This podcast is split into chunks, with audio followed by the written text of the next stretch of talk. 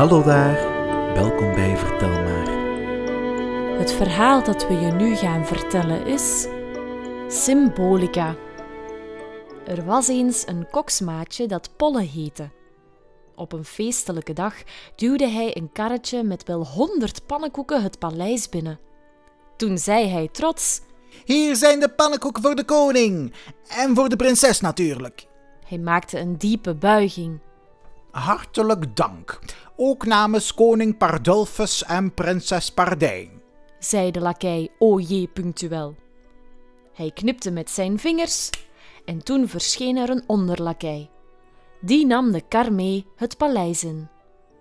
Oje punctueel knikte naar Polle en wilde weglopen. Maar Polle had nog iets te zeggen, Eh, ik durf het bijna niet te vragen. zei Polle. Maar zou ik even mogen rondkijken in het paleis? Ik ben hier namelijk nog nooit geweest. Dat zal helaas niet gaan. zei Oje punctueel. Hij keek een beetje alsof hij iets vies rook.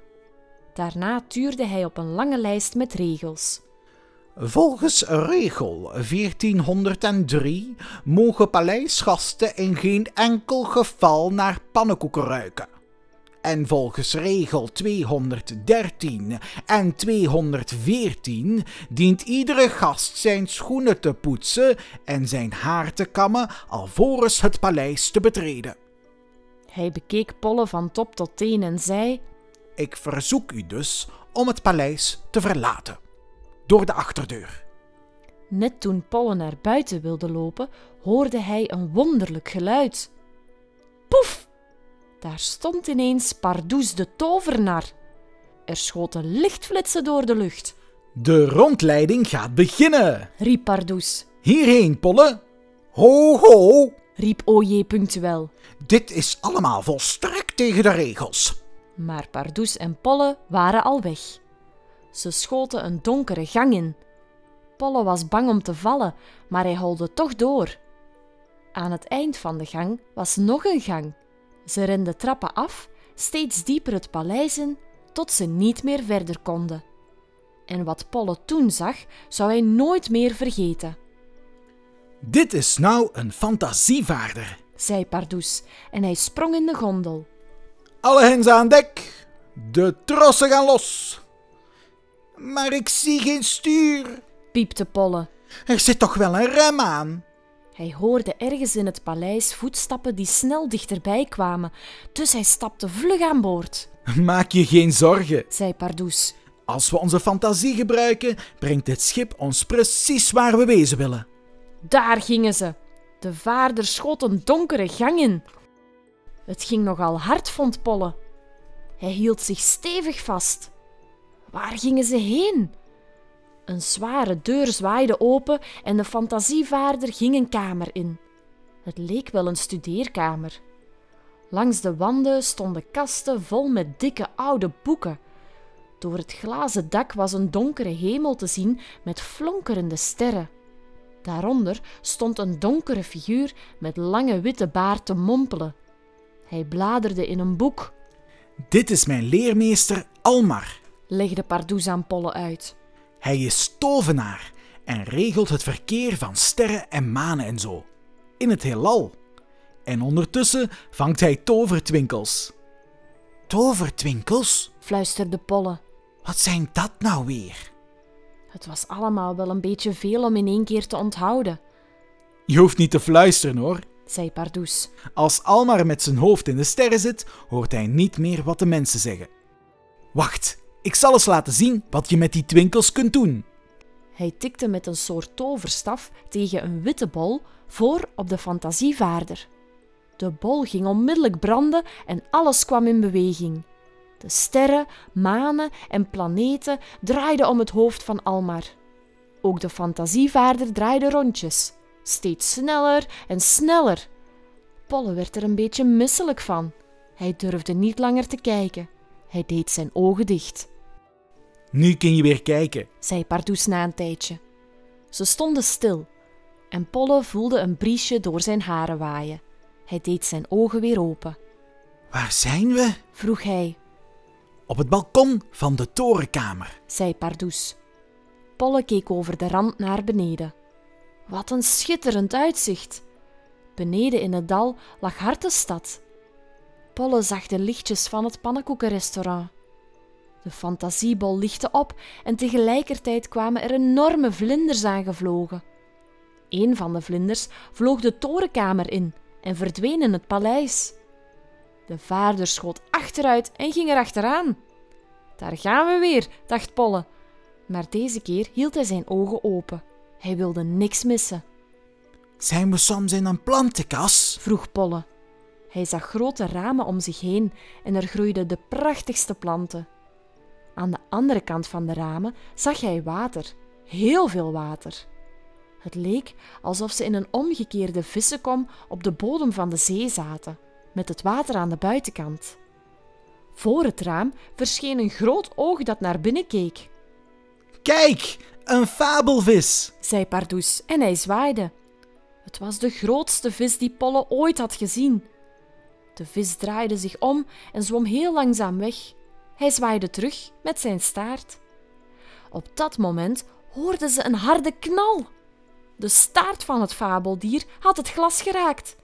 Nu zat er een barst in het glas. Er druppelde water naar binnen. De barst werd een breuk en de druppels werden een woeste rivier. Een muur van water kwam op hen af. De fantasievaarder schoot zo hard naar achteren dat Pardoes en Polle er bijna uitvielen. Hou je vast! riep Pardoes. Hij strooide een handvol twinkels in het water en ineens was het water verdwenen. De vloer was kurkdroog, zag Polle. Wat een goede truc, zei hij tegen Pardoes. De fantasievaarder zweefde verder en verder. Waren ze in een kelder of op een zolder? Polle wist het niet. Langs de muren hingen planken en op die planken stonden allemaal heel interessante dingen. We zijn in het fantasiedepot, legde Pardoes uit. Hier bewaren we toverspullen, zoals toverkisten, glazen bollen, toverdranken en oude tovermutsen. Als je hier naar rechts gaat, kom je langs de honderd kasten waarin we kindertekeningen bewaren en rechtdoor is de afdeling levende muziek. Nu we hier toch zijn, zei Pardoes, moet ik even iets repareren. Ze stopten bij een meneer die gemaakt was van muziekinstrumenten. Hoi Nicolenelis, zei Pardoes. Wat is er met je aan de hand? Ach, zei de instrumentenman. Er zit een schroefje bij mij los, maar ik weet niet waar. En ik moet over tien minuten optreden. Wat? riep Pardoes geschrokken. Is het al zo laat? Eh, dan moeten we. Dan moeten we snel naar de koningszaal, zei hij tegen Polle. Het eten kan ieder moment worden opgediend. Hij gooide snel wat tovertwinkels over een nikkelen nelis heen. Toen gaf de fantasievaarder gas en schoot hij een lange gang in. Dank, riep Nelis hen na. Ik klink meteen een stuk beter. Ze scheurde door een lange gang met aan beide kanten planken met flessen erop. En dit is zeker de afdeling toverdranken? vroeg Polle. Pardoes schudde zijn hoofd. Dit is de koninklijke champagne, zei hij. Je kunt hier maar beter even bukken. Op hetzelfde moment klonk er een harde knal. Ze lieten zich op de bodem van de fantasievaarder vallen. Want er wil nog wel eens een kurk uit een fles springen, zei Pardoes. Daar moesten ze allebei heel hard om lachen. Toen ze weer over de rand keken, zagen ze het karretje met honderd pannenkoeken staan. En de fantasievaarder ging er rechtop af. Help! gilde Pardoes. Oh nee! riep Bolle. Hij sprong uit de gondel. Zijn pannenkoeken mochten niet op de grond vallen.